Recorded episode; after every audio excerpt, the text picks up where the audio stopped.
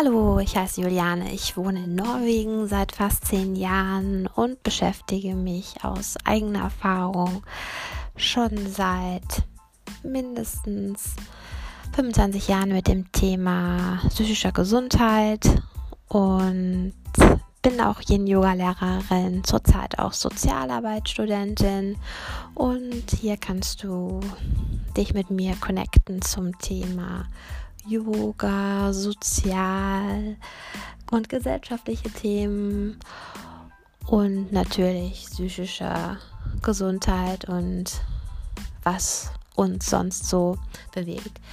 Da ich in Norwegen wohne, kann es auch sein, dass ich halt auf Norwegisch Leute interviewe, auf Deutsch vielleicht aber auch und Englisch. Also es wird